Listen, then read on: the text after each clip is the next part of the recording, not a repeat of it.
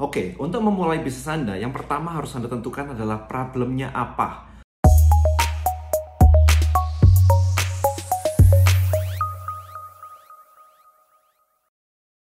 Jadi, problem apa yang ingin Anda selesaikan?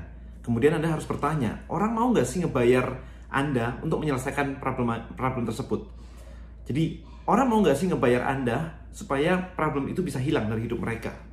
Kemudian siapa yang punya problem tersebut? Apakah perusahaan atau perorangan? How big is the problem? Gede nggak sih problemnya? Kemudian apakah Anda harus menentukan dengan detail apakah problem itu misalkan ya quality dari produk yang mereka gunakan sebelumnya kurang bagus. Atau mungkin waktu. Mereka misalkan menyelesaikan sesuatu dengan waktu yang cukup lama, ketika Anda memiliki sebuah solusi, mereka bisa memperbaiki atau melakukan itu dengan cepat.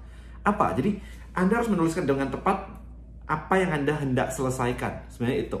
Nah, kemudian, nah ini yang jadi menarik di sini nih, yang sering sekali dilompati oleh banyak orang adalah Anda harus menuliskan itu semua, kemudian menunjukkan hal ini ke market Anda benar-benar Anda tunjukin ke mereka, Anda bacain, kamu punya problem ini, dan kita akan menyelesaikannya dengan cara ini.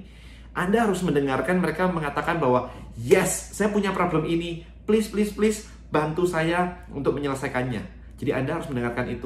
Kalau misalkan Anda belum belum mendengarkan kata-kata itu, artinya adalah mungkin problem Anda yang Anda definisikan tadi kurang jelas bagi market Anda, atau mungkin problemnya ada, tapi solusinya mereka nggak ngerti, atau solusinya mereka nggak menarik gitu.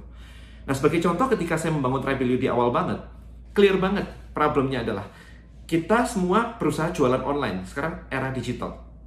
Banyak yang jualan lewat online shop, uh, mulai dari Instagram, marketplace, dan yang lain-lain, website, dan yang lain-lain.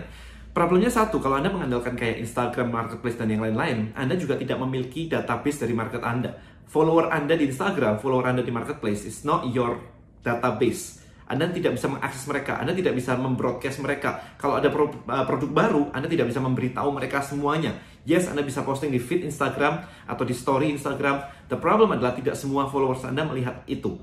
Maka ketika kita menciptakan Tribelio, mengatakan bahwa oh kita bisa broadcast by email, by SMS, by push notif, by inbox, 4 channel, nggak dibuka satu bisa ke yang lain.